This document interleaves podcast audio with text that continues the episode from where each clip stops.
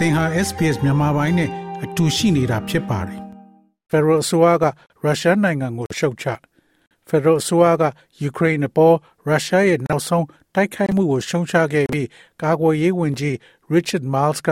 Kremlin သည်လူအသက်ကိုဂရုမစိုက်ကြောင်းဆွဆွဲလိုက်ပါတယ်။ရုရှားသမ္မတ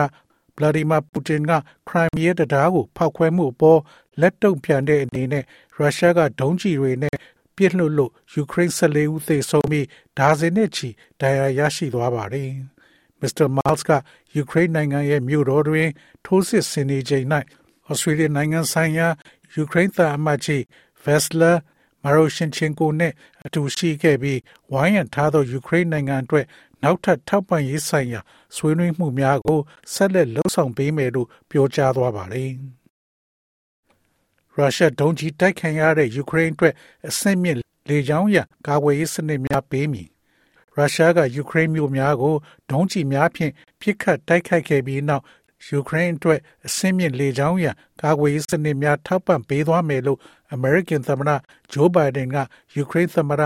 ဗလိုဒီမာဇယ်လန်စကီကိုအောက်တိုဘာလ10ရက်နေ့ကတိပြုလိုက်ပါတယ်။ ဘိုင်ဒန်ကဇယ်လန်စကီထံဖုန်းဆက်ပြောဆိုရာတွင်အမေရိကန်အနေဖြင့်ယူကရိန်းအတွက်ဆက်လက်ကူညီပံ့ပိုးသွားမယ်လို့ကတိပြုခဲ့သလိုအရသာပြစ်မှတ်များကိုထိမှန်ခဲ့တဲ့ရုရှားမိုက်မဲတဲ့တိုက်ခိုက်မှုများကိုပြစ်တင်ရှုံချခဲ့ပါတယ်။အမေရိကန်နဲ့မဟာမိတ်များအနေဖြင့်ရုရှားအပေါ်ထိခိုက်စေရန်ဆက်လက်အရေးယူသွားမှာဖြစ်သလိုစစ်ရာဇဝတ်မှုများနဲ့ရက်ဆက်ချမ်းကျုပ်သည့်လောက်ရများအတွက်ရုရှားတို့တာဝန်ခံရစေရေး လှုံ့ဆော်သွားမယ်လို့ဘိုင်ဒန်ကဇယ်လန်စကီကိုပြောကြားခဲ့ကြောင်းအိမ်ဖြူတော်ကပြောဆိုပါတယ်။ထို့အပြင်ယူကရိန်းကို လုံခြုံရေးစီးပွားရေးနဲ့လူသားချင်းစာနာမှုအကူအညီများဆက်လက်ပေးအပ်သွားမယ်လို့ဘိုင်ဒန်ကပြောခဲ့ကြောင်းသိရှိရပါတယ်။အာနာသိမ့်ပြီးချိန်မှစပြီးစစ်ကောင်စီက14နှစ်အောက်ကလေးငယ်62ဦးကိုတပ်ဖြတ်ခဲ့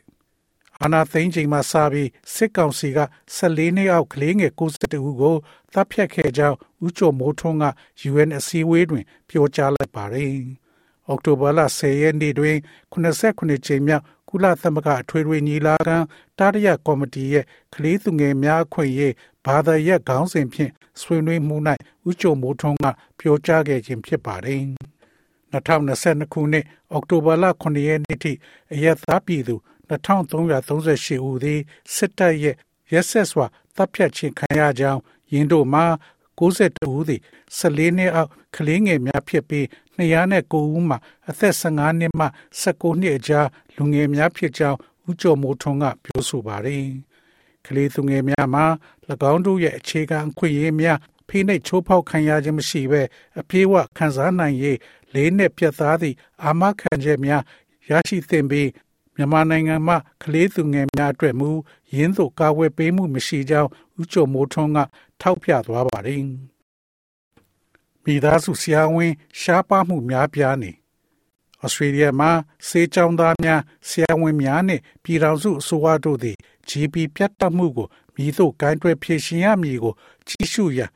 ယနေ့တွင်ကင်ဘရာမြို့တွင်တွေးဆုံဆွေးနွေးခဲ့ပါတယ်။ စေချောင်းသားရှိဟုတွင်တဦးသာအထွေထွေယောဂကုဆရာဝန်ဖြစ်လာရန်ရွေးချယ်နေကြပြီးလောက်သားအင်အားသည်အနာဂတ်တွင်ပုံမဆိုးဝါလာမှာကိုစိုးရိမ်မှုများရှိနေပါတယ်။ ABC နဲ့စကားပြောအားတွင် Federal ချမ်းမာရေးဝန်ကြီး Mark Butler က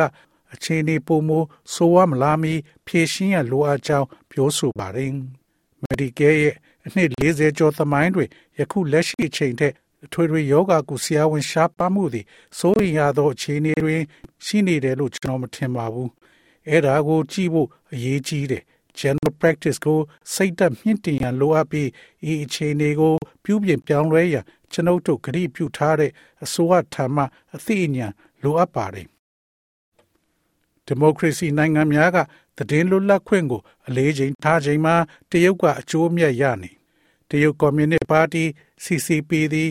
အောက်တိုဘာလ16ရက်နေ့မှစလို့20ကြိမ်မြောက်ကွန်ဂရက်ကိုကျင်းပရန်စီစဉ်နေချိန်တွင် ပါတီအနေဖြင့်နိုင်ငံပေါင်း30တွင်သတင်းလွှမ်းခြုံနိုင်စေရန်အပြင်းထန်ကြိုးပမ်းအားထုတ်နေကြောင်း Freedom House မှထုတ်ပြန်တဲ့အစီရင်ခံစာအသစ်တစ်ခုမှာပြသနေပါတယ်။ရှင်ဂျန်တွင်တရုတ်ရဲ့ရက်စက်ရုပ်မာမှုများဟောင်ကောင်တွင်ဖြိုခွင်းမှုနှင့် COVID-19 ကပ်ရောဂါဆိုင်ရာစီမံခန့်ခွဲမှုအလွဲမှားများအတွက်တကမ္ဘာလုံးရဲ့ရှုတ်ချမှုကိုစတင်ရင်ဆိုင်နေရခြင်း2019ခုနှစ် CCP သည်ပြည်ပမီဒီယာများကိုလွှမ်းမိုးနိုင်ရေးအတွက်အရေးတကြီးလှုံ့ဆော်နေပါတယ်။တရုတ်သည်ယိုရင်းနေသောကွန်မြူနစ်ပါတီရဲ့ပုံရိပ်ကိုတာဝန်ယူမှုရှိသူအဖြစ်ပြသမိလှုပ်ရှားမှုကိုအသုံးပြုလျက်ရှိပါတယ်။ တရုတ်သည်တန်တမန်ရေးရချင်းချောက်ခြင်း cyber တိုက်ခိုက်ခြင်းလူမှုမီဒီယာပေါ်တွင် အကောင့်တူများစွာဖြင့်ဖြန့်ကျက်ခြင်းနှင့်ဒေသတွင်မှလူရင်းများရဲ့အသံများဖြင့် CCP လှုပ်ဆက်များကိုဖြန့်ဝေခဲ့ခြင်းကဲ့သို့လှိုးဝဲအချက်ကင်သောနီးဗျူဟာများကို အသုံးပြုလာကြောင်းအစီရင်ခံစာမှာဖော်ပြထားပါတယ်။ဒီမိုကရေစီနိုင်ငံများသည်တကမ္ဘာလုံးသို့ဩဇာလွှမ်းမိုးမှုဖြန့်ကျက်ရန် တရုတ်ရဲ့အားထုတ်မှုကို မထိန်ချုပ်နိုင်တော့လဲ၎င်းတို့ရဲ့ကိုယ်ပိုင်မူဝါဒများနှင့်တုံ့ပြန်မှုများဖြင့်ထိန်းချုပ်နိုင်တယ်လို့ပြောဆိုထားပါတယ်။ဩစတြေးလျရှိလူများစွာရဲ့လူမှုဘဝများတွင်အရက်သည်အဓိကအခန်းကဏ္ဍမှာပါဝင်ပါတယ်။ဒါပေမဲ့အရက်ဆွဲသူတွေဟာအရက်ကိုအလွန်ကျွံတောက်ပြီးသူတို့ကိုသူတို့ရောတခြားလူတွေကိုပါအန္တရာယ်ဖြစ်စေနိုင်ပါတယ်။သင်မိသားစုဆွေမျိုးရင်းချတူသည် အရက်အလွန်ကျွံတောက်ခြင်းရှိမရှိနဲ့၎င်းတို့ကိုမိတို့ကူညီရမယ်ကိုသိနိုင်ဖို့ကို အခုရှာဖွေပေးမှာဖြစ်ပါတယ်။ Australia Seeing in Bureau ABS မှမကြာသေးမီကထုတ်ပြန်ထားတဲ့အချက်လက်များအရမတ်လ2022ခုနှစ်အထိအသက်18နှစ်နဲ့အထက်လူ၄ဦးမှာတဦးသည်2020 2021ခုနှစ်အတွင်းတပတ်လျင်စံနှုန်းသတ်မှတ်ထားတဲ့ရမကာ10မျိုးရဲ့အရဲသောက်သုံးမှုလမ်းညွှန်ချက်ကို ကျော်လွန်သောက်သုံးနေတာကို တွေ့ရတယ်လို့ဆိုပါတယ်။ဒါပေမဲ့ဘယ်အချိန်မှအရဲသောက်တာက ပြဿနာဖြစ်လာတာလဲ။သင်ရဲ့မိသားစုနဲ့သင်ချင်းနေရသူသည်နာတာရှိယောဂဖြစ်တဲ့အရက်ဆွဲလန်းခြင်းရှိမရှိကိုဘယ်လိုပြောလို့ရပါလဲမိသားစုများနဲ့အရက်ဆွဲသူတွေကိုပံ့ပိုးပေးတဲ့ L Anon Family Group Australia မှ CEO က Helen Gillis ဖြစ်ပါတယ် Miss Gillis က စိတ်အပြောင်းရွှေ့နဲ့အပြုအမူပြောင်းလဲမှုများသည်တစုံတဦးသည်အရက်အလွန်ကျွံတောက်ခြင်းဖြစ်နိုင်တဲ့လက္ခဏာတချို့ဖြစ်တယ်လို့ဆိုပါတယ် The biggest thing we talk about is behavioural changes, and that can vary from person to person, obviously. But often people become different physically, their mood can change, they can become very angry or upset, they can become very elusive and secretive. They can become very argumentative. ကျွန်ုပ်တို့ပြောနေတဲ့အကြီးမားဆုံးအရာမှာအပြုအမူပြောင်းလဲမှုများဖြစ်ပြီးလူတဦးနဲ့တဦးကွဲပြားနိုင်တာကသီးသာထင်ရှားတော်လဲလူတို့ဟာရုပ်ပိုင်းဆိုင်ရာအရာကွဲပြားသွားတတ်ပါတယ်သူတို့ရဲ့စိတ်နေစိတ်ထားများပြောင်းလဲသွားတတ်ပါတယ်သူတို့သည်အလွန်ဒေါသထွက်ခြင်းသို့မဟုတ်အလွယ်တကူစိတ်ဆိုးနိုင်တာတို့ဖြစ်ပါတယ်သူတို့ဟာအလွန်ပြောရခက်ပြီးလှုပ်ဝက်တတ်သူများဖြစ်လာနိုင်ပါတယ် အလွန်အငင်းခုန်လှုပ်လာနိုင်ပါတယ်သို့မဟုတ်သူတို့သည်ခတ်တန်းတန်းဖြစ်လာပြီးသူ့ဘာသူဖယ်နေနိုင်ပါတယ်ဒီတော့အချင်းစာရိတတစုံတည်းတော့မဟုတ်ပါဘူးဒါပေမဲ့ရသမားတယောက်ကိုစိတ်တွေပြောင်းလဲနေတဲ့သူလို့ကျွန်ုပ်တို့တွေးလို့ရပါတယ်။အရဲနဲ့တခြားမူရစေဝါကြောင့်ဖြစ်ရတဲ့အန္တရာယ်များကိုရှော့ချရန်ရည်မှန်းထားတဲ့အစိုးရမှရန်ပုံငွေထုတ်ပေးထားတဲ့မူရစေဝါ Foundation မှအထောက်အထား Manager Eleanor Castellos ဖြစ်ပါတယ်။စိတ်သက်စွမ်းရည်နေပါခြင်းအစာစားခြင်းစိတ်နေပါခြင်းတခြားရုပ်ပိုင်းဆိုင်ရာလက္ခဏာများဖြစ်နိုင်တယ်လို့သူမကပြောဆိုပါတယ်။ You might notice their energy levels are different. They don't engage the same way. Engagement in things like work or school that it may have been really important before might change. သူတို့ရဲ့စိတ်ဆွမ်းရည်အဆင့်တွေကကွဲပြားနေတာကိုသတိထားမိပြီးသူတို့ကိုတူညီတဲ့လမ်းနဲ့ဆက်ဆံလို့မရပါဘူး။ အရင်ကတကယ်အရေးကြီးတဲ့အလုပ်ဒါမှမဟုတ်ကျောင်းလိုမျိုးကိစ္စတွေမှာထိတွေ့ဆက်ဆံတာပြောင်းလဲလာတာအလောက်ကကောင်းကောင်းမလုပ်နိုင်တာတို့ဖြစ်ပါတယ်။တနင်္လာနေ့တွေမှာအလုတ်ကိုနေမကောင်းလို့လှမ်းခေါ်သလိုပါပဲ Miss Gills ကတစုံတဦးသည်အရက်တောက်ခြင်းပြဿနာရှိမရှိကို ခွဲခြားသိမြင်ရန်မလွယ်ကူကြောင်းပြောကြားခဲ့ပါတယ်။၎င်းတို့သည် အလုံးနှင့်တာမန်ဟုထင်ရသောဘဝတွင် နေထိုင်နေရဆဲဖြစ်တယ်လို့ဆိုပါတယ် We know that there are a lot of very professional people who are conducting their work and appearing to be quite functional who can have a very severe disability in မိ terms မိ of တို့ their လုပ်ငန်းကို addiction to ကောင်းစွာ alcohol. လှုပ်ဆောင်ပြီး But again, အလုပ် we ဖြစ် think ပုံ about ပေါ်သော the behavioural အလွန် changes ကျွမ်းကျင်သော that can be perfect သူ at များ work and အ then များ come ပြား home ရှိကြောင်း and not ကျမတို့ be သိ able to ပါတယ် deal with. အရေးအလွန်ကျွံဆွဲလန်းခြင်းတွင်အလွန်ပြင်းထန်သောမသက်မစွမ်းမှုဖြစ်နိုင်ပါတယ်ဒါပေမဲ့လည်းအချင်းစာရိတ္တ ပြောင်းလဲမှုတွေအကြောင်းကိုကျွန်ုပ်တို့ထပ်ပြီးတော့စဉ်းစားနိုင်ပါတယ်သူတို့ကအလုပ်မှာပြီးပြည့်စုံနိုင်ပါတယ်ဒါပေမဲ့အိမ်ပြန်လာတဲ့အခါဆက်ဆံရတာသိပ်အဆင်မပြေပါဘူးရေတောက်တာဆွဲလန်းခြင်းသည်ရေရှည်သုံးဆွဲခြင်းမှ ဖြစ်ပေါ်လာသောယောဂဖြစ်ပါတယ်၎င်းသည်အဆင့်၅ဆင့်ဖြင့်ဖြတ်သန်းသွားတာဖြစ်ပါတယ်ရံဖန်ရံကားလွန်ကဲစွာတောက်ခြင်းနှင့်မူယူတောက်စားခြင်းမှအစပြုက တိုးမြင့်လာတဲ့ပြဿနာရှိသောအရက်တောက်ခြင်းဖြင့်စတင်ကအရက်ကိုမိကိုအားထားကဆွဲလွှမ်းမှုအထိတိုးမြင့်လာတာဖြစ်ပါတယ်။အရက်ဆွဲခြင်းဆိုသည်မှာလူတဦးရဲ့လှုပ်ရိုးလှုပ်စဉ်အပေါ်တွေ့တာမှုလွှမ်းမိုးနေခြင်းကို ဆိုလိုပါတယ်။ရဲတောက်ခြင်းရဲ့ဆိုကြများကိုသတိပြုမိတော်လဲလူသည်၎င်းတို့ရဲ့စားသုံးမှုကို ထိတ်ချုပ်နိုင်စွာမရှိတော့တာဖြစ်ပါတယ်။ တခြားသောညွှန်ကိန်းများမှာအရက်ဖြတ်ခြင်းနဲ့ withdrawal symptom လက္ခဏာများကိုခံနိုင်ရရှိခြင်းပါဝင်ပါတယ်။ရဲဆွဲခြင်းသည်အရက်တောက်ခြင်းရဲ့နောက်ဆုံးအဆင့်ဖြစ်ပါတယ်။ဤအဆင့်တွင်အရက်တောက်ခြင်းသည်အပျော်သက်သက်မဟုတ်တော့ဘဲရုပ်ပိုင်းဆိုင်ရာနှင့်စိတ်ပိုင်းဆိုင်ရာလိုအပ်ချက်များကို ဖြည့်ဆည်းပေးခြင်းဖြစ်ပါတယ်။ Miss Costello က သစ်မိသားစုဆွေမျိုးရင်းကြတူမှပြဿနာရှိနေတယ်လို့သေယုံကြည်ရင်ပထမအဆင့်အနေနဲ့သူတို့ကိုစကားပြောကြည့်ပါ They might not want to talk about it, but being able to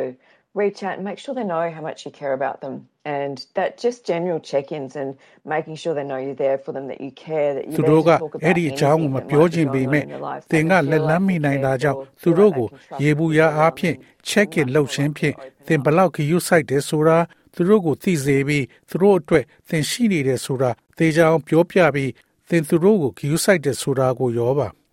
သူတို့ဘဝမှာဖြစ်လာမယ့်အရာမှန်သမျှကို ပြောပြဖို့သင်အမြဲရှိနေတာကို ပြသပါသူတို့ကိုဂယူဆိုင်သလိုခံစားရအောင်သူတို့ပါဝင်ခြင်းကလူတွေကိုယုံကြည်လာတဲ့အခါမှာပွင့်လင်းလာဖို့အလားအလာတွေကို ပိုရှိစေပါတယ်ပြဿနာကို မတင်ပြမီတငယ်ချင်းများနဲ့မိသားစုများသည်ကျွမ်းကျင်သော လမ်းညွှန်မှုကိုရယူရန်အရေးကြီးတယ်လို့ Miss Costello ကပြောဆိုပါတယ် first thing I'd do before we perhaps engage with your loved one is to seek help for yourself. There is a lot of help and guidance around how to approach this. We do have a lot of resources that are translated as well that can guide people through signs to recognise what do I do, what are the questions I ask, how not to get သင်ချ anxious ရသူ myself မိသား about စု it. နဲ့ And the မ first ဆွေးနွေးခင် reaction is ပထ because မ you ဆုံး know, လုပ်ရ your မယ့် heart အရာက rate increases, you get သင်ကိုယ် anxious သင် yourself. အကူအညီတောင်းဖို့ပါပဲ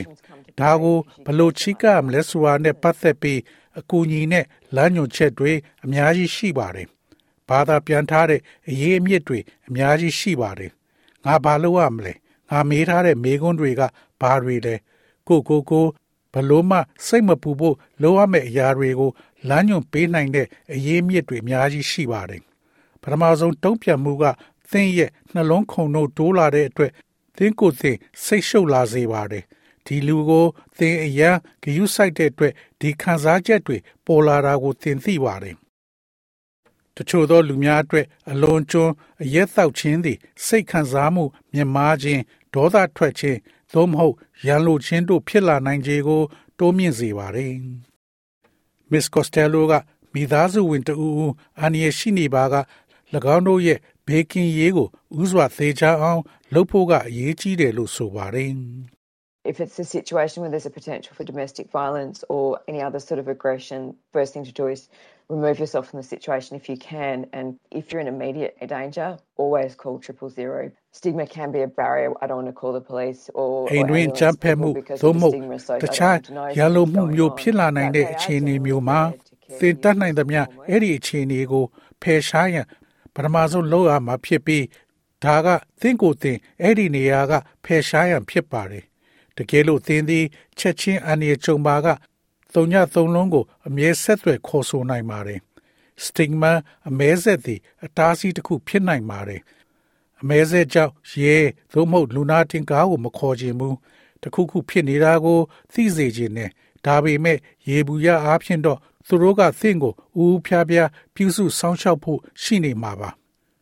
အချိန်ဤဆိုးရွားလာသောအခါတွင်သင်ကားသောနှင့်ပတ်စံအိတ်ကိုအသင့်ထားရန်အကြံကောင်းဖြစ်ကြောင်း Miss Gills ကပြောပါရယ် It's not acceptable to have somebody else in your life who's aggressive or violent, and we would suggest that anybody does whatever they need to do to keep themselves safe. And understanding that if this person is in denial and they don't want to accept that uh, they have a problem, they will turn to all sorts of things to try and keep the focus away from themselves. So often they'll then point the finger and say, it's because the house isn't clean enough, ရန်လို because သော you သို့ spend မဟုတ် too much ကြမ်းတမ်း money, သော because တ you're စုံတစ်ယောက်ရှိခြင်းကို XYZ. None of လက်ခံ it's နိုင်ဖို့ relevant. ရည်ကြီးပါတယ် Reflecting their ပြီးတော့သူတို့ကို themselves သူတို့ and ဘေး getting ကင်းအောင် aggressive ဘယ်သူမဆို because of လှုပ်ရှားရှိတာလှုပ်ကြဖို့အကြံပြုခြင်းပါတယ်တကယ်လို့ဤလူသည်ဖြစ်ပျက်နေတာတွေကိုညင်းဆိုနေပြီးပြဿနာရှိနေကြောင်းကိုလက်မခံခြင်းမှာကသူဟာအာယုစူးစိုက်မှုကိုဝေဝေတွင်ထားရန်စ조사ရန်အတွက်အမျိုးမျိုးသော အရာများစီသို့လှည့်ပတ်သွားမှာဖြစ်ပါတယ်မကြာခဏဆိုသလိုလက်ညှိုးထိုးပြပြီးအိမ်ကမသန့်ရှင်းလို့ပါမင်းပတ်စံအရန်သုံးနေလို့မင်းက XYZ ကြောင့်ပဲလို့ပြောတတ်ပါတယ် အဲ့ဓာတွေကတကယ်ကို မသက်ဆိုင်ပါဘူးသူတို့လုံနေသမျှဟာသူတို့ကိုသူတို့အာယုံလွှဲဖယ်ပြီးရန်လိုမှု ဖြစ်လာတာကတကယ်ပြဿနာတွေကိုကင်တွယ်ဖြေရှင်းဖို့စူးစမ်းနေတဲ့လူကိုရှောင်ဖယ်သွားစေနိုင်တဲ့အရာတစ်ခုဖြစ်ပါတယ်။ရဲ့အလွန်ကျွံသောက်ခြင်းသည်ချစ်ခင်သူတူရဲ့အပြောင်းလဲကိုမြင်တွေ့ရသည်မှာအလွန်နာကျင်ပြီးစိတ်ရှုပ်ထွေးသွားနိုင်ပါတယ်။အချိန်ကြာမြင့်စွာအလွန်ကျွံသောက်သုံးခြင်းသည် အုံနောက်ရဲ့ဓာတုဗေဒကိုပြောင်းလဲစေပြီးလူငယ်များတွင် ဖွံ့ဖြိုးမှုကိုဟန်တားနိုင်ကြောင်း Miss Costello ကရှင်းပြပါတယ်။ When you're consuming a toxin, obviously it affects the brain. It will affect things like your ability to moderate mood. Then the more you use, it can make you feel sort of sad and အစိတ်အ depressed. တောက်ကိုစားသုံးပြီး cause depression. အုံနောက်ကို It also ထိခိုက် puts စေ a lot တယ် of ဆိုတာ strain on the body, သိတာပါတယ် raises your heart ။သင် rate. ရဲ့စိတ်အနှောက်အယှက်ဖြစ်နိုင်စွမ်းကဲ့သို့သောအရာများကို ထိခိုက်စေပါလိမ့်မယ်။ထို့နောက်များများသောက်သုံးလေ၎င်းသည်သင်အားဝမ်းနည်းကြေကွဲစေနိုင်သည့်စိတ်သက်ကြခြင်းဖြစ်သောကြောင့်၎င်းသည် စိတ်သက်ကြခြင်းကို ဖြစ်စေနိုင်ပါတယ်။၎င်းသည်သင်ခန္ဓာကိုယ်ကိုဖိစီးမှုများစွာသက်ရောက်စေပြီးသင်နှလုံးခုန်နှုံးကို အမှန်တကယ်မြင့်တက်စေပါတယ်။အရက်အလွန်ကျွံတောက်ခြင်းသည် တဖြည်းဖြည်းအရှိန်မြင့်တက်လာသောယောဂတစ်ခုဖြစ်သောကြောင့်မဖြေရှင်းပါကပုံမဆိုးဝါးလာနိုင်တယ်လို့ Miss Gill ကထပ်ပြီးပြောဆိုပါတယ်။ Alcoholism can ruin lives. There's no two ways about it. Um, it doesn't end well for most people. If somebody knows they've got a problem with alcohol at an early stage and they do something about it, then that's the best possible scenario. But it's unfortunately a progressive disease. Every time an alcoholic picks up a drink, it gets worse. The situation, the behaviours, the outcome's not going to get better. That they'll start having blackouts, that they'll start having behavioural changes, they'll start having trouble at work, they'll start having ရဲ့ trouble သောက် with သုံး money, ခြင်း they'll ပြဿ start နာ having ရဲ့ trouble with အ their စောပိုင်းအ relationships. ဆင့်များတွင်ပံ့ပိုးကူညီမှုရယူခြင်းသည်ဤရလတ်ကိုအထောက်အကူဖြစ်စေပါသည်။သို့သော Miss Costello ကအရက်သမားများသည်ဆေးဘက်ဆိုင်ရာအကူအညီမပါဘဲအရက်သောက်ခြင်းကိုရန်တက်ရန်လှုံ့ဆော်ခြင်းအန္တရာယ်ရှိကြောင်းထပ်လောင်းပြောဆိုပါတယ်။ Our Path to Help website does have over 10,000 help and support services listed there that can be found for your local area as well. It's a good starting point and it also has a lot of self-help information because they may not be ready to talk ကျွ to န်တော်တို့ someone ရဲ့ but they might be Part ready to to have a Help look at some website things တွင် they might be able စ to ည်ရင် do ပြု to စု start ထားသော those initial အကူအညီ stepping နှင့် stones to ပံ့ပိုး get ကူညီ some မှု support. ဝန်ဆောင်မှုတစ်သောင်းကျော်ရှိပြီး၎င်းသည်သင့် local data မှာလည်းတွေ့ရှိနိုင်ပါတယ်။ ဒီတော့ဒါဟာကောင်းမွန်တဲ့အစာပြိုးခြင်းတစ်ခုပါပဲ။ထို့အပြင်၎င်းတို့သည်တစ်စုံတစ်ဦးနှင့်စကားပြောရန်အစဉ်သင့်မဖြစ်နိုင်သောကြောင့်၎င်းတို့တွင်မိမိကိုယ်ကိုကူညီနိုင်သော အချက်လက်များစွာလည်းပါရှိပါတယ်။သို့သော၎င်းတို့သည်စတင်လှုပ်ဆောင်နိုင်တဲ့အရာတချို့ကိုကြည့်ရှုရန်အစဉ်သင့်ဖြစ်နိုင်ပါတယ်။တချို့သောအကူအညီနှင့်အထောက်အပံ့များရရှိရန်ကနဦးခြေလှမ်းများဖြစ်ပါတယ်။ Miss Gills ကလည်းမိသားစုများအတွက်ကျွမ်းကျင်သောအကူအညီကိုရယူရန်အတွက်အရေးကြီးတယ်လို့ဆိုပါတယ်။ထို့သို့ပြုလုပ်ခြင်းသည်အရက်ဆွဲနေသူအားကုသခံယူရန်တွန်းအားပေးနိုင်ပါတယ်။ You can't change that person from making the choices that they're going to make, but the families can make choices. And it can be really hard. I think one of the hardest things we ever have to do is see people we care about be in pain. But we have to look after သူတို့လုံးမဲ့ရွေးချယ်မှုတွေကနေအဲ့ဒီလူကိုသင်မပြောင်းလဲနိုင်ပေမဲ့မိသားစုတွေကရွေးချယ်မှုတွေလုပ်နိုင်ပြီးဒါကတကယ်ကိုခက်ခဲနိုင်ပါတယ်ကျွန်ုပ်တို့လောက်ရသမျှအခက်ခဲဆုံးအရာတွေထဲကတစ်ခုကတော့နာကျင်ခံစားရတာကိုဂယုစိုက်တဲ့လူတွေကိုမြင်ရောက်နေတာပဲလို့ထင်ပါတယ်ဒါပေမဲ့ကျွန်ုပ်တို့က ကိုကိုကိုဂယုစိုက်ရမယ်ကျွန်ုပ်တို့ကကိုယ့်အတွက်မှန်ကန်တဲ့အရာနဲ့ပတ်သက်ပြီးဆုံးဖြတ်ချက်တွေချပြီးတခြားသူပြန်ကောင်းလာဖို့မျှော်လင့်နိုင်ပါတယ်။ဩစတြေးလျရှိရွှေပြောင်းအခြေချနောက်ခံများမှလူများသည်အရက်ရှောင်ရန်သို့မဟုတ်ရှော့တောက်ရန်အလားအလာပိုများကြောင်းဒေတာများကဖော်ပြထားပါတယ်။အင်္ဂလိပ်ဘာသာမှလွဲ၍တခြားဘာသာစကားကိုအဓိကပြောဆိုသူထက်ဝက်ကျော်သည်အရက်ရှောင်သူများ သို့မဟုတ်ရခင်အရက်သောက်သူများဖြစ်ပါတယ်။အကူအညီကို Alcohol and Drug Foundation website တွင်ဘာသာစကားများစွာဖြင့်ရရှိနိုင်ပါတယ်။သောရရှင်များအကူအညီလိုအပ်ပါက အောက်ပါဝန်ဆောင်မှုများကိုဖုန်းခေါ်ဆိုနိုင်ပါတယ်။ LNON Advice Line 1300 252 666 The ADF Advice Line 1800 858584 Lifeline 131114 1-800 respect karo 1-800-737-732 Beyond Blue karo 1300-222-4636တို့ကိုဆက်သွယ်နိုင်ပါတယ်။သောရရှိမြခင် SBS သတင်းဌာနက Cherio ပဇာနိုရဲ့ဆောင်းပါးကိုဘာသာပြန်တင်ဆက်ပေးထားတာဖြစ်ပါတယ်ခင်ဗျာ။ ဒေါက်တာတစ်ဝေခင်ဗျာဒေါက်တာတစ်ဝေကိုလူတွေကသိပြီမဲ့သောတာရှင်နေနဲ့တစ်ခေါက်လောက်မိတ်ဆက်ပေးပါဦး။ဟောကျွန်တော်ကတော့စစ်တီမြို့မှာနေတဲ့ညီမဆရာဝန်တူဖြစ်ပါတယ်ကျွန်တော် specialty ကတော့ psychiatry ပေါ့လေစိတ်ပညာပိုင်းဆိုင်ရာကုထုံးနဲ့ကုသတဲ့ဆရာဝန်တယောက်ဖြစ်ပါတယ်စစ်တီမှာပဲကျွန်တော် practice လုပ်ပါတယ်မနေ့ကတော့ငါကမ္ဘာအဲ့ချမ်းမာရေးဌာန World Health Organization ကနေပြီးတော့ဒီအောက်တိုဘာလ10ရက်နေ့ကို World Mental Health Day ဆိုပြီးသူတို့သတ်မှတ်ခဲ့ပါတယ် အဲ့ကကဘလို့ကြောင့်အဲ့လိုအထူးတယုံသတ်မှတ်ခြင်းဖြစ်ပါလဲအဲ့ဒီ question ကိုမေးတဲ့အတွက်ဥပမာဝင်ကျေးဇူးတင်ပါတယ်ဒါအင်မတန်ရေးကြီးတဲ့ topic တစ်ခုဖြစ်ပါတယ်သူရဲ့ background ပြောရမယ်ဆိုလို့ရှိရင်တော့1990ခုနှစ်လောက်ကပေါ့ဗျာကမ္ဘာစိတ်ကြမ်းမာရေးဆိုင်ရာ Federation ခေါ်တဲ့ World Federation for Mental Health ဖွဲ့ရနေပြီးတော့စိတ်ကြမ်းမာရေးအတွက်ကမ္ဘာလုံးမှာရှိတဲ့လူထုကိုပညာပေးဖို့နဲ့ကာကွယ်ဆောက်ရှောက်ဖို့အရေးကြီးတဲ့အချက်ကိုတင်ပြပြီးတော့ ကမ္ဘာနိုင်ငံပေါင်းအဖွဲ့ဝင်နိုင်ငံပေါင်း150ပါဝင်တဲ့အစည်းအဝေးကြီးပြုလုပ်ပြီးတော့ဒီအောက်တိုဘာ10ရက်နေ့ကိုကမ္ဘာ့ကျန်းမာရေးဆိုင်ရာနေ့တစ်နေ့အဖြစ်သတ်မှတ်လိုက်တော့အလုံးသဘောတူကြတယ်အဲ့ဒါကိုကျန်းမာရေးအဖွဲ့ကြီးဖြစ်တဲ့ WHO ကလည်းပဲအတိအမှတ်ပြုခဲ့ပါတယ်အဲ့ဒီကစပြီးတော့နှစ်စဉ်နှစ်တိုင်းအောက်တိုဘာ10ရက်နေ့ကိုကမ္ဘာစိတ်ကျန်းမာရေးနေ့ဖြစ်သတ်မှတ်ပြီးတော့ကမ္ဘာတစ်ဖုံးမှာစိတ်ပညာနဲ့ပတ်သက်ပြီးပညာပေးပို့ချတာတို့ စိတ်ယောဂဖြစ်လို့ရှင်ကာကွယ်ဆောင်ရှောက်ဖို့လို့စိတ်တက်ပိုက်ဆိုင်ရာကိစ္စတွေဘယ်လောက်ကြီးကြီးလဲဆိုတော့ဆွေးနွေးတယ်မျိုးဆိုပြီးတော့နှစ်စဉ်နှစ်စဉ်စောင့်မှုကလေးတွေနဲ့သူကလုပ်ပြီးတော့ဒီဘာလုံးကကျင်းပတဲ့အလေးထားဖြစ်လာပါတယ်ဒီနှစ်2022ခုနှစ်ကစောဘုတ်ကတော့အင်္ဂလိပ်လိုဆိုလို့ဆိုတော့ ensuring mental health and well-being for all global priority အများအတွက်စိတ်ကျန်းမာရေးအဓိကလှုပ်ဆောင်ချက်ကိုကမ္ဘာတစ်ဝန်းမှာကျူးပန်းကြပါဆိုလို့ရပါတယ်ဆိုလိုချင်တာကဒီ ဒီနေ့ရောက်လာလို့ရှိရင်ကျွန်တော်အားလုံးကိုပြန်ပြီးပေးနေတာကစိတ်ပိုင်ဆိုင်ရာကျန်းမာရေးဟာဘယ်လောက်အဓိကကြပြီးဘယ်လောက်အရေးကြီးတယ်ဆိုတဲ့အကြောင်းဖြစ်ပါတယ်အဲ့တော့ဘာကြောင့်စိတ်ကျန်းမာရေးကအရေးကြီးရတာလဲဆိုတော့ကျွန်တော်နည်းနည်းလေးပြန်ရှင်းပြမယ်ဆိုရင်ကိုယ်စိတ်နှပြကျန်းမာတယ်ဆိုတာကကျွန်တော်ဗမာစကားမှာရှိပါတယ်အဲ့တော့ကျန်းမာရေးနဲ့ပတ်သက်လို့ရှိရင်တော့ကျန်းမာရေးနဲ့ပတ်သက်ပြီးတော့ကျွန်တော်ဒီကမ္ဘာကျန်းမာရေးအဖွဲ့ကြီး WHO ကဒီပြီးတော့ definition ရှာတာပေါ့လေရှာတဲ့ခါကျတော့ဒီကျန်းမာရေးဆိုတဲ့ဥစ္စာကယောဂမရှိသေးတခုတည်းပဲကျွန်တော်ပြောလို့မရပါဘူးဥပမာ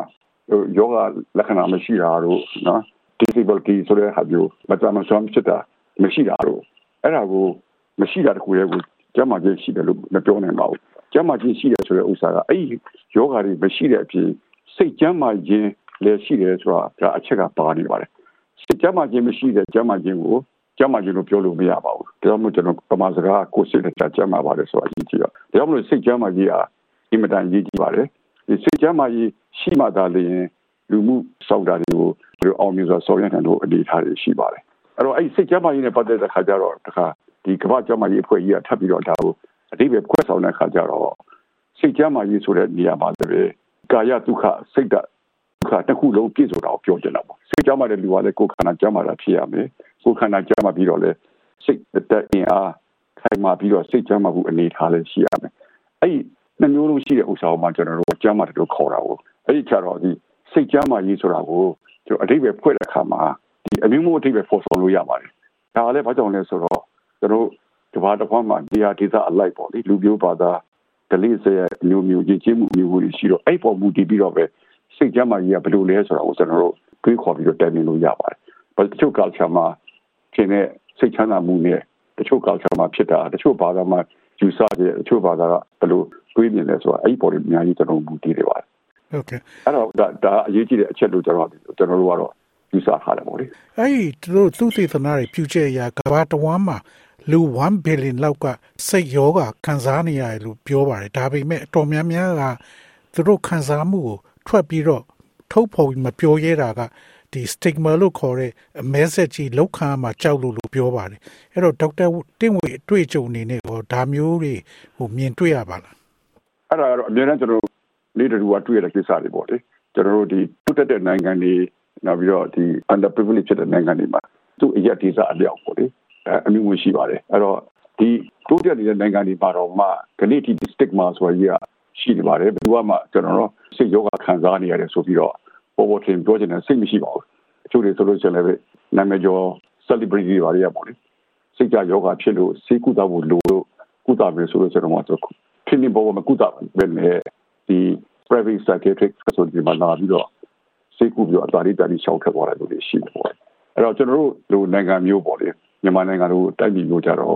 ဒါပိုပြီးတော့ဆိုးတယ်ခင်ဗျာစိတ်ယောဂရှိရကိုတို့နားမလည်တဲ့အတွက်ကြောင့်စိတ်ယောဂနဲ့သူကယူတုချင်းဆိုတဲ့ psychotic ဖြစ်တာလည်းကသူကရှုပ်ထွေးပြီးတော့စိတ်ယောဂရှိတဲ့လူကအယူယောဂရှိတယ်လို့ဆိုပြီးစားကြအဲ့ဒါအင်တာမှားပါတယ်အဲ့ဒီကနေစပြီးတော့ stigma ဖြစ်လာတာအဲ့တော့စိတ်ယောဂရှိရလို့ပြောလိုက်တဲ့တိုင်နဲ့ခွဲခြားပြီးတော့ဆက်ဆံကိုခံစားနေရတယ် discrimination လို့ခေါ်တာပေါ့အဲ့ဒါကဒီလူတိုက်ဝဲမှာကောလုပ်ငန်းခွင်တာမှာကောကျောင်းစာသင်ခန်းမှာကောအဲ့ဒါရှိတယ်ပေါ့လေအဲ့လိုရှိခြင်းအပြင်လူတွေကရှက်ကြောက်ပြီးတော့ယုံပြီးတော့ပေါ့လေမပြောရဲတော့ဒီယောဂဖြစ်ခါစားမှာစ ပြီးတော့ကုသရမယ့်အခါကိုအခွင့်အရေးကိုလွတ်သွားပြီးတော့မှယောဂကျင့်မှာတော့ကုရတဲ့အခြေအနေမျိုးကြီးရှိပါတယ်အဲ့ဒါကတော့အင်တန်ရေးကြီးတဲ့အချက်ပေါ့လေဒါကြောင့်မလို့လေဒီခုပြောတဲ့ဒီကမ္ဘာစိတ်ကြမ်းမှရင်းနေဆိုတာအဲ့ဒီအချက်တွေကိုလူလူတွေနားလည်လာပြီးတော့မှပညာပေးခြင်းအပြင်ဥပမာတို့ program တို့မှာမျိုးကနေပညာပေးခြင်းအပြင်စိတ်ယောဂဆိုတာမျိုးဟာလူတိုင်းလည်းဖြစ်နိုင်တယ်ကိုခန္ဓာကိုယ်မကြမ်းမာတာနဲ့စိတ်မကြမ်းမာတယ်လည်းတစ်ခါကျတော့တွဲဆက်ပြီးနေတယ်ဥပမာဆိုတော့တရားတစ်ခုရလို့ ဒီလုပ်ငန်းခွင်မှာရလို့ပဲဖြစ်ဖြစ် chronic pain ဆိုတာခါနာတာတို့ muscle နာတာတို့အဲ့လိုပေါ့လေအဲ့လို pain chronic pain ရတဲ့သူကလည်းစိတ်မချမ်းသာဘူးပေါ့လေအဲသူကလည်းအဲ့ဟာပေါ့စိတ်ကများလာလေဒီသူစိတ်မချမ်းသာမှုကများလာလေဖြစ်တယ်ဒါစိတ်မချမ်းသာတဲ့ယောဂစိတ်ကြယောဂကြီးဖြစ်လာလေဒီသူက pain ကိုမခံစားနိုင်ဘူးဖြစ်တော့အဲ့ဒီခုကလွန်ဆွဲနေပြီးတော့မှအဲသူ့ရဲ့ဒုက္ခဒုက္ခတော့များတယ်ပေါ့အဲ့ဒါလေးတွေနားလည်လို့ရှိရင်စိတ်ယောဂဆိုတာဒီတိုင်းဖြစ်နေတယ်ဥပမာဆိုတော့လေ anxiety ယောဂဆိုတာကစိတ်ပူပန်တဲ့ယောဂစိတ်ကြတဲ့ယောဂစိတ်ကြယောဂကြီးအမျိုးမျိုးရှိတယ်ပေါ့လေတချို့ဆိုလို့ဆိုလည်းပဲဒီခန္ဓာကိုယ်အတွင်းမှာဖြစ်တဲ့ကျွန်တော်တို့ medical condition တွေနဲ့ပတ်သက်ပြီးတော့လည်းပဲအဲစိတ်ကြောင်းလေးဖြစ်တတ်တယ်ပေါ့လေအဲစိတ်ကြောင်းလေးဖြစ်တာကိုလည်းတချို့တွေကတော့အထင်မှားပြီးတော့ဒါစိတ်ယောဂကြီးဖြစ်တယ်လို့ထင်တယ်အမှန်ကတော့သူက medical condition ဖြစ်နေတာပေါ့ကျွန်တော်ဖိုင်ဒီစားဆောင်တွေထဲမှာဒီ COVID-19 ရောဂါဖြစ်တဲ့အချိန်တော့ကလူအတော်များများကအိမ်တွေထဲမှာ ပိတ်မိနေရတော့ဘာလို့ဖြစ်နေတဲ့အတွက်ကြောင့်အဲ့ရအတွက်ကြောင့်ဒီ anxiety ခေါ်တဲ့ပူပန်သောကရောက်မှု depression ခေါ်တဲ့စိတ်သက်ကြမှုတွေကပိုများပြားလာတယ်လို့သိရပါတယ်။အဲ့ဒါဒေါက်တာတင်ဝေရဲ့အတွေ့အကြုံမှာရောအဲ့လိုမြင်ရပါလား။အဲ့ဒါလည်းအမှန်ပါပဲခင်ဗျာ။ဘာလို့ covid ဆိုတဲ့ pandemic ရောဂါကြီးကတော်တော်လေးဆိုးတော့ပေါ့လေ။ဒီမဲ့တဲ့နှစ်နှစ်သုံးနှစ်မှာကျွန်တော်ဖြစ်တကဘာအပွားပေါ့လေဒါတော့အလုံးလည်းသိကြပါတယ်။အမေရိကလိုနိုင်ငံမျိုးမှာတော့မှသူကထောင်နဲ့တောင်းနဲ့ချီဖြစ်ကြတာပေါ့။အဲ့တော့ကိုဗစ်ဖြစ်တဲ့ခါကျတော့ထူးခြားတာတစ်ခုကသူက လူတွေနဲ့ရှောင်ရှားရမယ်ဆိုတော့လူတိုင်းလည်းသိပါတယ်နော် socialization ကိုရှောင်ရမယ်လူတွေမတွေ့ရဘူးတိကျနေရမယ်ယောဂပိုရှိတယ်လို့ positive ဖြစ်တယ်ဆိုတော့မှလုပ်ခင်မလာဘူးဆိုတော့အဲ့လိုဖြစ်တဲ့ခါမှာလူတွေကစိတ်ယောဂနဲ့စိတ်ကကြတဲ့ယောဂနဲ့ဒီ social connectedness ကိုနဲ့ခင်မင်းရင်းနှီးတဲ့လူတွေနဲ့ပေါင်းတင်ဆက်ဆံတဲ့ဥစ္စာကစိတ်ကြမ်းမှမှုအတွက်ကိုသူအထောက်အကူပေးတဲ့အချက်အလက်တစ်ခုဖြစ်နေပါတယ်အဲ့လိုလူတွေနဲ့ရှောင်ရှားခြင်းအပြင်သူ့ရဲ့စိတ်က တစ်ဖြည်းဖြည်းညှဉ်းညူးလာပြီးတော့စိတ်ကြလိုက်တာယောဂဖြစ်လာတယ်အဲ့ဒီရမှာမှယောဂဖြစ်တဲ့လူဆိုလို့ရှိရင်သူတို့ကအင်မတန်အရေးကြီးနေတဲ့လူတွေနဲ့ဆက်ဆံမှုလူတွေနဲ့ပေါင်းသင်းမှုမိတ်ဆွေပေါင်းသင်းတဲ့အတူဟလာပျော်ရွှင်ဆုံးနေနိုင်တဲ့အနေအထားတွေကနေကင်းဝေးပြီးတော့တယောက်တည်း isolate ဖြစ်သွားတဲ့အတွက်ကြောင့်သူ့ရဲ့စိတ်ယောဂပိုပြီးဖိစီးမှုဖြစ်သွားတာပေါ့လေအဲ့ဒါကကျွန်တော်တို့ဒီ covid ယောဂဖြစ်တဲ့အချိန်မှာအင်မတန်ထင်ရှားတွေ့ရတဲ့ကိစ္စပေါ့လေအဲ့ဒါပေါ့တွေ့ရပါတယ်ဟုတ်ကဲ့ဒီနေ့ကဘာကြီးမှာကြီးမယ်ဆိုလို့ရှိရင် ကျွန်တော်တို့သတင်းတွေမှာကြီးလိုက်ရင်ဒီယူကရိန်းမှာဘုံတွေကျဲလူတွေသေးတာနောက်တစ်ခေါက်ဒီဆိုင်ကလုန်းကြောင့်ဒီဖလော်ရီဒါနဲ့ပါကစ္စတန်တို့မှာလူတွေအငတ်ဘေးကြုံတာတို့ဘာတို့တွေတွေ့ရတယ်နောက်ကျွန်တော်တို့မြန်မာနိုင်ငံမှာဆိုလို့ရှိရင်လည်းစစ်အာဏာရှင်ကဒီနိုင်ငံရေးခေါင်းဆောင်၄ယောက်ကိုကုမြစ်ပစ်တာတို့နောက်ရွာတွေကိုမီးရှို့ပစ်တာတို့ဘာတို့ဒါတွေကိုတစ်ချိန်လုံးမြင်နေရတော့လူအတော်များများက ဒီစိတ်သက်ကြယောဂခံစားမှာဖြစ်ပါတယ်အဲ့တော့သူတို့ကိုဒါမျိုးကနေပြီးလွတ်မြောက်ဘလို့များလုံနိုင်မယ်လို့ဒေါက်တာတင့်ဝေအနေနဲ့အကြံပေးခြင်းပါတယ်အဲ့ဒါတော့ကဘာလို့ဆရာထိခိုက်မှုပေါ့လေအခုကျွန်တော်တို့အင်မတန်စဉ်ဆက်မပြဖြစ်ပေါ်ပြနေတဲ့လူခွေထိခိုက်မှုနဲ့ချိုးဖောက်မှုတွေဆိုတာကျွန်တော်အချင်းချင်းကြားနေရနော် အဲ့ဒါတွေကအဲ့ဒီမှာအလုပ်ကမှာပဲဖြစ်ဖြစ်အကြောင်းမှာပဲဖြစ်ဖြစ်နော်လူမှုတိုက်ပွဲမှာဖြစ်တဲ့တောင်းတဲ့တယောက်က discovery လုပ်တာလို့အဲ့ဒါမျိုးတွေ့အဲ့ဒီပို့ဆိုတာကအခုခက်ဥပမာပြောလို့ပေါ့လေယူကရိန်း crisis ကိုပဲကြည့်ရယူကရိန်းနဲ့ရုရှားနဲ့ဖြစ်တဲ့ကိစ္စအဲ့ဒီကဘာမှမစီးရီးယားကိစ္စအဲ့ဒီမှာဆိုရင်စစ်ရေးပြိပခတ်တွေကအတော်များများဖြစ်တဲ့ခါမှာစစ်တမ်းကိုကြောင့်ခံစားရတဲ့ခန္ဓာကိုယ်ချိုးရင်းမှုတို့ losses တို့ မိသားစုတွေကြွေးချင်းမှုတို့တရားမဲ့တရားအဲ့လိုအဲ့လိုအတိုက်အုံကြီးဖြစ်စီမှုအဲ့ဒါမျိုးတွေပေါ့လေအဲ့ဒါဖြစ်တဲ့ဥစ္စာမြန်မာပြည်မှာဆိုလို့ရှိရင်ကျွန်တော်တို့ဒါအားလုံးကျွန်တော်မြန်မာတွေအကုန်လုံးခံစားနေရတာပေါ့လေနေ့စဉ်ကြားသိနေရတယ်အဲ့ကိုကိုယ်တိုင်ခံစားရတဲ့လူတွေရှိတယ် atrocity တွေကိုနှိမ့်ဆက်ခြင်းပါမှုတွေမတရားမှုတွေဒူးလီလုပ်မှုတွေအမျိုးစုံပေါ့အဲ့ဒီဟာတွေကိုလူငယ်လေးတွေတွေ့ရတယ်လူကြီးတွေလည်းခံစားရတယ်အဲ့တော့ပြန်စဉ်းစားမယ်ဆိုလို့ရှိရင် လူငယ်တဘာဝပြေပေါ်ရှိရှိနေရမယ့်ကလေးအရွယ်တွေရနေပြီးတော့အဲ့ဒီမှာ struggle လုပ်ပြီးဒါတွေကိုပဲသူကတွေ့မြင်ခဲ့ကိုကိုယ်နဲ့ကြုံတွေ့တယ်ပိုဆိုးတာကကျွန်တော်တို့ display ဖြစ်သွားတဲ့လူတွေပေါ့လေစစ်ဘေးရှောင်တဲ့လူတွေအဲ့တော့တို့ရွာလုံးကျုံပြီးရှို့ခံရတာတို့တက်တက်မဲ့လိုက်ပြီးတော့ဒီလူတွေကိုလာဖမ်းဆီးဖို့အတွက်ချင်းချော့ပြီးတော့အနောက်ကလိုက်တော့ထွက်ပြေးရတဲ့လူတွေရှိအဲ့အဲ့ဒီကစင်ကလေးဖြစ်တဲ့လူတွေရဲ့စိတ်ဓာတ်ကဒါသူတို့ကလူတိုင်းမှာတော့သူတို့ဟိုတော့ရှိတယ်ပေါ့လေဟိုဒါကို NGO လုပ်တဲ့ resilience ဆိုတော့ရှိတာပေါ့ဒါပေမဲ့အဲ့ဒါအတိုင်းတာရှိတယ်အဲ့တော့အဲ့ဒီအတိုင်းတာမှာကုသတော့တဲ့ဟိုအစာရည်စာနေသွားတာတို့နော်စေကုသဖို့အခွင့်အရေးမရတာတို့စေဝတ်ပစ္စည်းမရှိတာတို့ဒီအဲ့ဒီဟာတွေအလုံးပေါင်းတဲ့အခါမှာ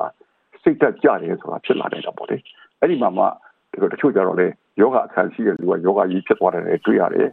အဲ့ဒါတွေကဒီကဘာအဝမ်းဖြစ်နေတာပေါ့လေ အဲ့တော့ဒါတွေကိုပဲဥပမာကိုယ်တည်းမကြုံအောင်ဘူးဆိုလို့မကြုံရဘူးဆိုလို့ရှိရင်ကျွန်တော်ဒီနိုင်ငံခြားမှာနေတဲ့ကိုယ်တိုင်းပြည်မှာဖြစ်တာတွေကိုနေ့စဉ်ရက်စကြားနေရတော့စိတ်မချမ်းသာစကားဟိုတွေတွေ့ရတယ်တခါကျွန်တော်တို့အခုကမီဒီယာနဲ့ပေါ့လေ Facebook တို့ဘာလို့မီဒီယာတွေကနေပြီးတော့ကျွန်တော်တွေ့တဲ့အခါကျတော့ဒါတွေကိုနည်းဝါထစ်နေနေရတာအဲ့ဒါလည်း trauma ပဲဖြစ်တာစိတ်ဓာတ်ရရတယ်နော်အထူးသဖြင့်ကလေးတွေဆိုအဲ့ဒါဒီပြည်ရင်အဖြစ်နေ့စဉ်ဒါတွေကြည့်နေရလို့ရှိရင်သူ့ရဲ့စိတ်ဓာတ်မှာထိပါမှုဖြစ်လာပြီးတော့ဟိုစိတ်ကြယောဂါတွေ ဆန်းစားမှုတွေအဲ့ဟာကြောင့်ဖြစ်တယ်လည်းကျွန်တော်တွေ့ရပါတယ်ဟုတ်ကဲ့မိဘအရင်နေနဲ့ကလေးတွေကဒီ social media မှာသူတို့ဘာတွေကြည့်နေတယ်ဆိုတော့မိဘတွေကမသိနိုင်ဘူးလေအဲ့တော့ဒါမျိုးကဘာမှာအချမ်းဖက်မှုတွေသတ်ဖြတ်မှုတွေကလေးတွေတွေ့လို့ရှိရင်ကလေးတွေကသူတို့များအားဖြင့်ထုတ်မပြောဘဲနဲ့သူတို့ရင်ထဲမှာပဲထားပြီးခံစားရတတ်ပါတယ်အဲ့တော့မိဘတွေအနေနဲ့ဘလို့များလုံနိုင်ပါလဲမိဘတွေအဲ့ဒါကိုအင်မတန်တတိချဖို့လိုတဲ့အချက်ဖြစ်ပါတယ် ဘာလို့လဲဆိုတော့ဒီငယ်ရွယ်တဲ့လူငယ်တဲ့အုံနောက်နဲ့လူငယ်လူငယ်တဲ့အတွေ့အခေါ်နဲ့ပေါ့လေအဲ့ဒီမှာဒီခုနစိတ်ချောက်ချစရာနဲ့မတရားမှုအကျင့်ခံရတာတို့နော် atrocity တို့ဒါတွေကိုပဲအများနဲ့တွေ့နေရတာရှိတယ်သူကလည်းပဲနောက်ဆုံးတော့ကလေးတွေဆိုလို့ရှိရင်ဥပမာ internet မှာဒီ violent ဖြစ်တဲ့ game တွေကစားကြတာပေါ့အဲ့ဒါလည်းတနည်းအားဖြင့် addiction ရပြီးဆွဲသွားကြပြီးတော့လုံတော့တော့အပျော်လုပ်ကြတာပေါ့လေဒါပေမဲ့ဒါတွေကိုပဲကျွန်တော်ရက်ဆက်နေ့စဉ်လုပ်နေမယ်ဆိုရင်သူ့ရဲ့စိတ်မှာဒ ရာမာလာပြီးတန်ရတရက်လို့လာဖြစ်လာနိုင်တယ်အဲ့ဒါတော့သူလည်းမသိဘူးပေါ့လေမသိပေမဲ့ဒီကလေးရဲ့ကြီးပွားတိုးတက်မဲ့အချိန်မှာ developmental stage မှာအဲ့ဒါအနောက်ဆက်ဖြစ်သွားပြီးတော့သူဟာတကယ်ကိုစိတ်ကြမ်းမာပြီးတော့ပျော်ရွှင်ပြီးတော့ဖြစ်လာနေတဲ့အနေအထားကိုရဖို့အခက်အခဲဖြစ်သွားနိုင်တယ်အဲ့ဒါကြောင့်မလို့မိဘတွေကအဲ့တော့သတိချက်ပြီးတော့ဥပမာ internet သုံးမယ်ဆိုလို့ရှိရင် internet time ကိုသူတို့ limit လုပ်ဖို့လိုပါတယ်။ဘာကြောင့်လဲဆိုတော့သူတို့ဘာတွေကြည့်နေပြီလဲ။သူတို့ကဒီဟာတွေကိုကြည့်ပြီးတော့ဘယ်လိုစိတ်စိတ်ထဲမှာပေါ်ပေါက်နေမလဲ။ဒ သူတို့မှဘယ်တော့ခံစားနေရမလဲဆိုအဲ့ဒါတွေကိုမသိနိုင်ဘူးမိဘကလည်းပဲကလေးနဲ့သားသမီးနဲ့ဆိုလို့ရှိရင်ဟို communication အများအား open လုပ်ထားပြီးတော့တကယ်လို့သူတို့စိတ်ထဲမှာကြောက်ကြမှုရှိရင်မိဘကိုလာပြီးတော့ပြောနိုင်တဲ့အနေအထားမျိုးရှိအောင်လဲကိုဖွင့်ပေးထားရမယ်တချို့ကလည်းပြောမှာမဟုတ်ဘူးပေါ့လေအဲ့တော့ကသူတို့ internet ကိုဘယ်တော့သုံးရမလဲဟိုအတားအဆီးမှုရှိရမယ်တခါဒါကတော့ကျွန်တော်တို့ဒီ restriction လို့ပြောလို့ရတယ် ဒါပေမဲ့ကောင်းဖို့အတွက်ကျွန်တော်လုပ်ပြရတဲ့ကိစ္စဖြစ်တာပေါ့လေအဲ့ဒါအဲ့ဒါကအဓိကကြတယ်လို့ကျွန်တော်ထင်ပါတယ်နောက်တစ်ခုကဒီ bipolar disorder ဆိုတာဘာလဲဆိုတာနည်းနည်းရှင်းပြပေးပါ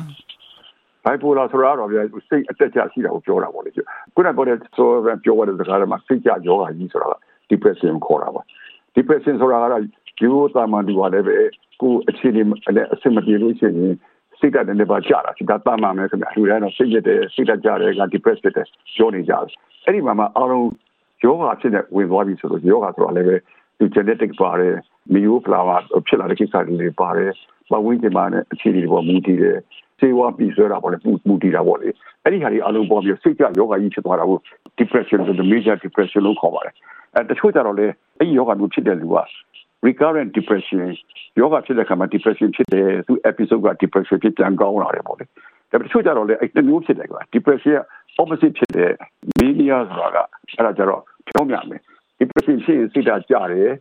ဒီမှာနဲ့မတွေ့ခြင်းမခေါ်ခြင်းဖြစ်တယ်အစားအသောက်မစားခြင်းဘူးဟိုအေးပြက်မယ်ဝိတ္တိပဲကြာမယ်ဟိုကြတော့ many ဖြစ်တဲ့လူကြတော့ပြောင်းပြန်ဖြစ်ပြီးတော့သူ့ဘူးကအရင်တက်ကြွလာတယ်တက်ကြွလာပြီးကောင်းတယ်မှာလည်း idea တွေအများကြီးများလာတယ် သူကသူသိတော်တယ်တက်တယ်ထည့်ပြီးတော့စကားတွေအများကြီးပြောပြီးတော့လုံလုံကြီးတွေဖြစ်လာတာပေါ့အဲ့ပါရက်တော့တောက်တောက်သုံးတာလည်းရှိတယ်အဲ့ဒါကိုကျွန်တော်တို့က manic episode လို့ခေါ်တယ်အဲ့တော့အဲ့ bipolar ဖြစ်တဲ့လူကြတော့ဟိုတယောက်မှာတော့စိတ်ကြယောဂဖြစ်တဲ့လူကတော့ depression မဖြစ်တာ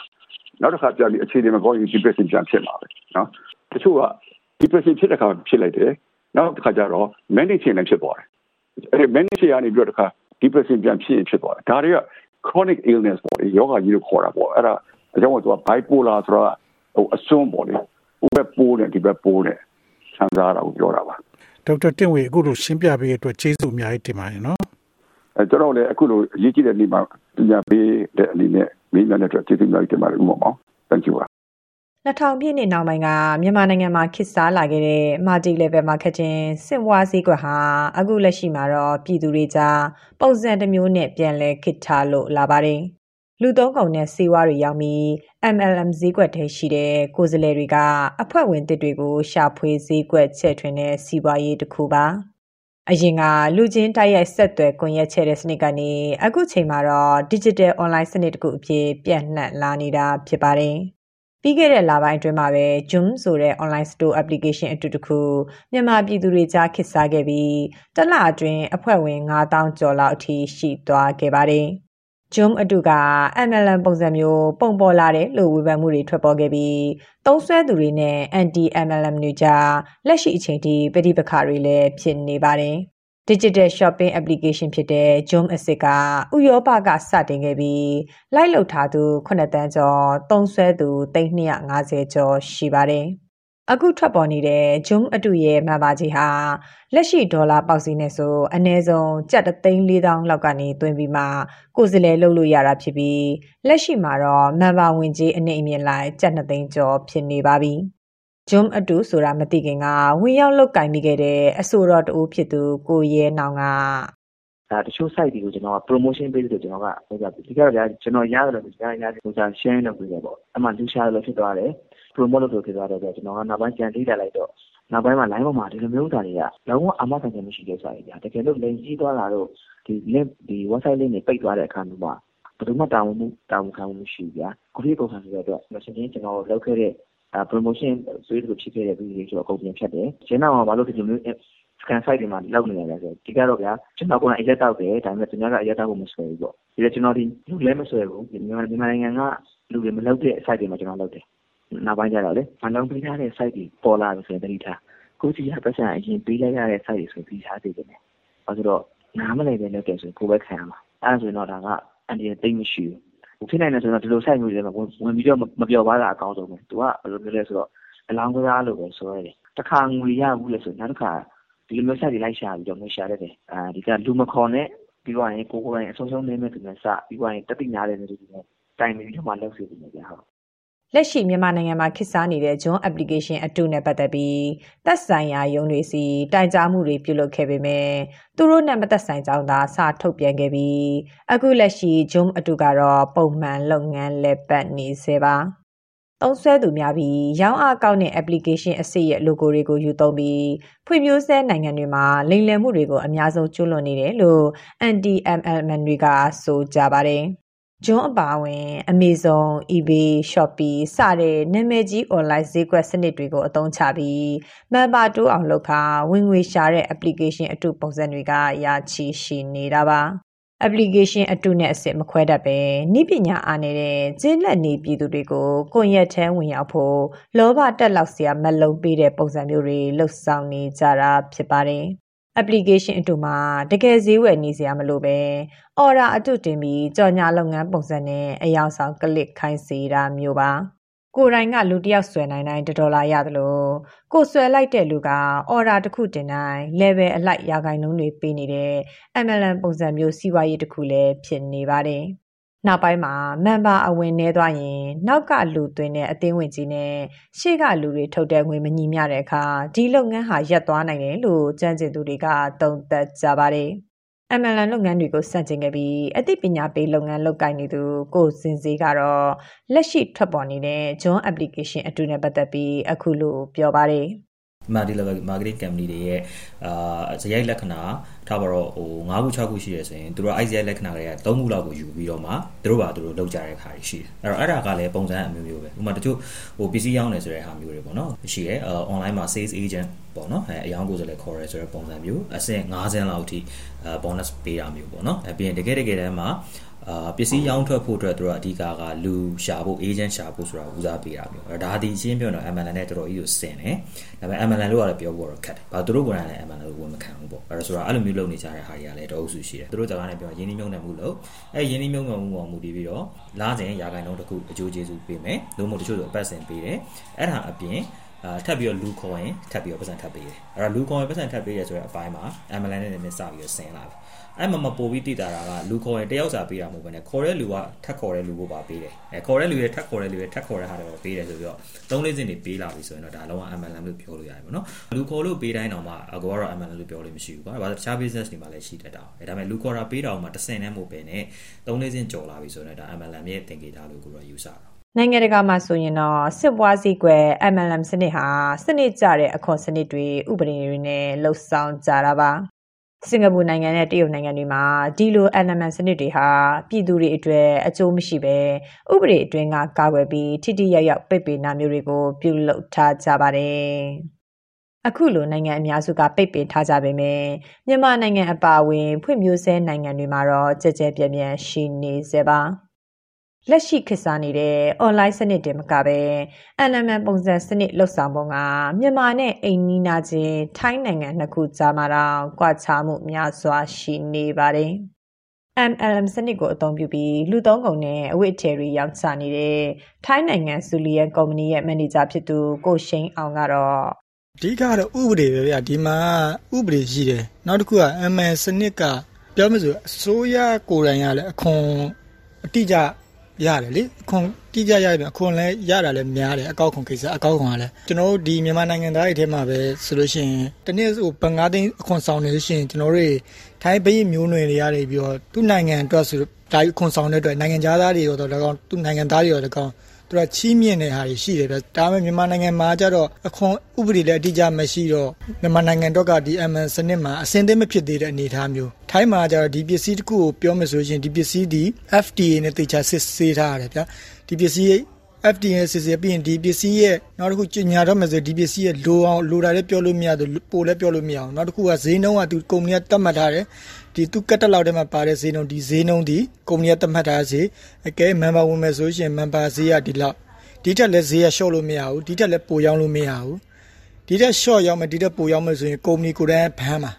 အဲလိုမျိုးရှိတယ်ဒီမှာကြတော့အဲ့လိုမျိုးရက်တည်ကြတာလေမြန်မာနိုင်ငံမှာ2016ခုနှစ်လောက်ကတည်းက MNN စနစ်ကိုတိုက်ဖြတ်ဖို့ကြိုးပမ်းလာကြတဲ့ anti MNN တွေအပါအဝင်လွှတ်တော်အမတ်ကိုယ်စားလှယ်တွေဟာဥပဒေရှိဖို့ကြိုးပမ်းခဲ့ကြပါတယ်။ 2018ခုနှစ်စက်တင်ဘာလလောက်မှာတော့စီးပွားရေးနဲ့ကုသရေးဝန်ကြီးဝန်ကြီးဌာနက multi level marketing လုပ်ငန်းတွေကိုအရေးယူမယ်ဆိုပြီးကြေညာချက်ထုတ်ပြန်ခဲ့ပါတယ်။ multi level marketing စနစ်ကိုဆက်လုပ်မယ်ဆိုရင်ထောင်ဒဏ်3နှစ်အထိကြာရောက်ခံရမှာဖြစ်ပြီးငွေကျပ်9သိန်းလဲပေးဆောင်ရမှာဖြစ်တယ်လို့ထုတ်ပြန်ချက်မှာပါဝင်ပါတယ်။ ဒီလိုကြေညာချက်ထုတ်ပြန်ပြီးနောက်မှာတော့ရန်ကုန်တိုင်းအထူးစုံစမ်းစစ်ဆေးရေးဦးစီးဌာနကနေ MLM ကုမ္ပဏီ42ခုကိုစုံစမ်းစစ်ဆေးခဲ့ပြီးပိတ်သိမ်းခဲ့တဲ့ကုမ္ပဏီတွေလည်းအများပြားပါ ဒီမိုကရေစီအစိုးရလက်ထက်မှာတော့ MLM စနစ်ကို ဥပဒေပေါင်းတွင်အရေးယူနိုင်ခဲ့ပေမဲ့ လက်ရှိတဖန်ပြန်ပေါက်ဖွာလာတဲ့အခြေအနေဟာ စစ်အာဏာသိမ်းကာလဖြစ်တာကြောင့်ဤပညာအသုံးချငွေကြေးလိမ်လည်မှုတွေကို အရေးယူနိုင်မဲ့အုပ်ချုပ်ရေးစနစ်ပြည့်ရင်းသွားပြီလို့ ပြောလာသူက ရှေ့နေဦးကြည်ဝင်းပါ စီးပွားပြက်တာကိုဘုံကတော့ စီးပွားပြက်တဲ့အခါကျတော့ လူတွေအကျင့်မှာအကျင့်တွေပါပြက်သွားတာကိုကျင့်တရားတွေပါပြက်သွားတာအဲ့ဒါဒါက တကယ်တော့ကျတော့ ရာဇဝမှုတော့ မဟုတ်ဘူး စီးပွားရေးရလုပ်ငန်းကိုင်တွေပြက်တဲ့အခါမှာ breach of contract ပေါ့ breach ချိုးဖောက်တဲ့သဘောပဲရှိတာပါဟိုပါမအခြေခံဘူးပါမအခြေခံမို့တဲ့အခါကျတော့ဘလို့မှဥပဒေနဲ့ဘာမှလုပ်လို့မရနိုင်ဘူးဒီတိုင်းပြည်ကနိုင်ငံရေးအခြေအနေရအုပ်ချုပ်ရေးစီးပွားရေးလူမှုရေးစီးရေးအကုန်လုံးထိခိုက်ပျက်စီးနေတဲ့အခါမှာတရားဥပဒေနဲ့ကူစားဖို့ဆိုတာမလိုဘူးတရားဥပဒေမစိုးဘူးပုံပေါ့ကွယ်။ပါမန်ဒီပြည်နိုင်ငံကြီးကာဝယ်လို့ရပြီပဲဒီမှာကလုံးလို့မရဆိုင်။ဒီနိုင်ငံတွေနဲ့ရှင်းလို့မရဘူးတော့ လက်ရှိနိုင်ငံတွင်းမှာအလောက်အကန်ရှားပါမှုနဲ့ဝင်ငွေနှဲတာကိုရင်ဆိုင်နေရတဲ့မြန်မာပြည်သူတွေအတွက်တော့ဝင်ငွေအမျက်စွန်းရနိုင်မဲ့နည်းလမ်းတွေကိုပိုပြီးရှာဖွေလာကြတာပါဒီလိုရှာဖွေလာကြတဲ့အခါဝင်ငွေရလန်မက်လုံးပေးဆွဲဆောင်လာတဲ့ multi level marketing ပုံစံ online ဈေးကွက်တခိထလာတာမှာတခြားသူတွေရင်းရတဲ့ငွေနဲ့အမျက်စွန်းရနေတာတွေကိုဆင်ခြင်မိကြဖို့ MLM နဲ့ပတ်သက်ပြီးအသိပညာပေးသူတွေကတတိပေးပြောဆိုကြပါတယ်။ လက်ရှိမှာ MLM စနစ်အခြေခံတဲ့လုပ်ငန်းဆိုပြီးမဝင်ခံပဲအဲ့ဒီသဘောမျိုးလှုပ်ဆောင်နေကြတဲ့လုပ်ငန်းမျိုးတွေနဲ့လူများများစီရအောင်ဖြန့်ဝေမဲဆွဲနေသူတွေနဲ့ပတ်သက်ပြီးသူလုံမဲ့နီလန်တွေကိုကိုစင်စီကအခုလိုဆိုပါတယ် MLM သမားတွေ investment scammer တွေကပတ်စံကရှာရတာလွယ်တယ်သူတို့အတွက်ပေါ့နော်အဲ့လိုရှာပြီးတဲ့အချိန်မှာသူတို့ကနိုင်ငံရေးရဲ့ဘယ်အပေါက်ကိုမဆိုဝင်တိုးမှာပဲအဲ့လိုဝင်တိုးတဲ့အခါမှာသိရမလားဟိုအလူငွေသက်သက်ထည့်ပြီးတော့ဝင်တိုးလို့ရသွားတယ်ဆိုတာမျိုးဖြစ်ရင် ဟိုနိုင်ငံအတွက်ရေရှည်လဲအန်နေများတယ်အဲ့တော့ကိုကရှင်းပြောတော့အဲ့ဒါကိုအနည်းဆုံးကာနိုင်အောင်ဆိုပြီးအကိုတို့ကတော့ ICN ကိုတော့ပို့မယ်လို့ကတော့ကိုဆုံးဖြတ်ထားတာပေါ့နော် public ကိုပြန်တင်တဲ့ကိစ္စကတော့ public ကနေပေါ်တင်ကြီးလူများများဆွဲနေရလို့ယူဆရတဲ့လူတွေဆိုရင်တော့အကို risk ယူပြီးအကိုကိုယ်တိုင်ပဲတင်လိုက်မယ်အဲ့အနည်းဆုံးတော့ the social pressure နဲ့ hand တာပေါ့ အဲ့တော့ငါတို့ဒီလိုဒီလိုလူကဒီလိုလုပ်နေတယ်သူဆက်လုပ်ရင်လုပ်ပေါ့သူ break တဲ့နဲ့သူရှိမယ်ကိစ္စမရှိဘူးအထူးဖြင့် account အတူမဟုတ်ပဲ account စစ်နဲ့လုပ်နေလူတွေဒါဆို account အတူကြတော့ပေါ်တော့လည်းသိမထူဘူးပေါ့နော် account အစစ်နဲ့ကြတော့ရှင်းပြောရင်တချို့ကပိုယုံကြည်ကြတယ် ဟာဥမာဒီလူကဒီလုပ်ငန်းလေးလုပ်နေတာဟာဒီလူကဒီလို celebrity အဲ့တော့ဒီလူအောင်လုပ်သိရင်ငါတို့လည်းလုပ်တယ်အဲ့လိုမျိုးပို့ဖြစ်တယ်အဲ့တော့အဲ့လိုလူတွေကိုကြတော့ကိုတို့က public ကိုတင်ပြမယ်အဲ့တော့အဲ့ဒီအချိန်မှာအဲ့လူကကိုယ်တိုင်ကပေါ့နော်ဟာကျွန်တော်မလုပ်တော့ဘူးကျွန်တော်မှားသွားတယ်အဲ့လိုမျိုးအတိအလင်းဝန်ခံပြီးတော့ post တွေပါတယ်တင်ပြီးတော့သူ့လူသူပြန်ပြီးတော့ဖယ်ထုတ်သွားမယ်အဲ့ဒါမျိုးလုပ်တယ်ဆိုတော့ကိုတို့က public တင်ထားတဲ့ post ကိုလည်းကိုကိုပြန်ဖြတ်ပြေးမယ်ပေါ့နော်ဒါကိုစဉ်းစားထားတဲ့ပုံစံပေါ့နော် စစ်အာဏာသိမ်းကာလစီးပွားရေးပြိုလဲနေခြင်းအခက်တွေ့နေရတဲ့မြန်မာပြည်သူတွေအတွက်တော့နေ့စဉ်ဝင်ငွေဆိုတာကောက်ရိုးပုံနဲ့အပြောက်ရှာနေရသလိုပါဒီလိုအခြေအနေမှာဝိသမလောဘသမားတွေရဲ့ကြော်ခွင်းနဲ့ဝင်ပြီးကောက်ရိုးမြင်ကိုဆွဲဖို့ကြိုးစားရကမာဂျီ level marketing စီးပွားရေးစီးကွက်တဲ့မနှိမြုပ်ဖို့ဆိုတာအချင်းချင်းတတိပေးခေါင်လောင်ချိုးနေရတဲ့အခြေအနေသာဖြစ်နေပါတော့တယ်ဒီသတင်းဆောင်မကိုတန်လွင်ခက်ကပေးပို့ထားတာဖြစ်ပါတယ် ဒါမျိုးသတင်းဆောင်မတွေကိုပိုနားဆင်လိုပါလား Apple Podcast Google Podcast Spotify တို့မှာသင်ပင်ရာဖြစ်ဖြစ်ရယူတဲ့ podcast ကနေပါ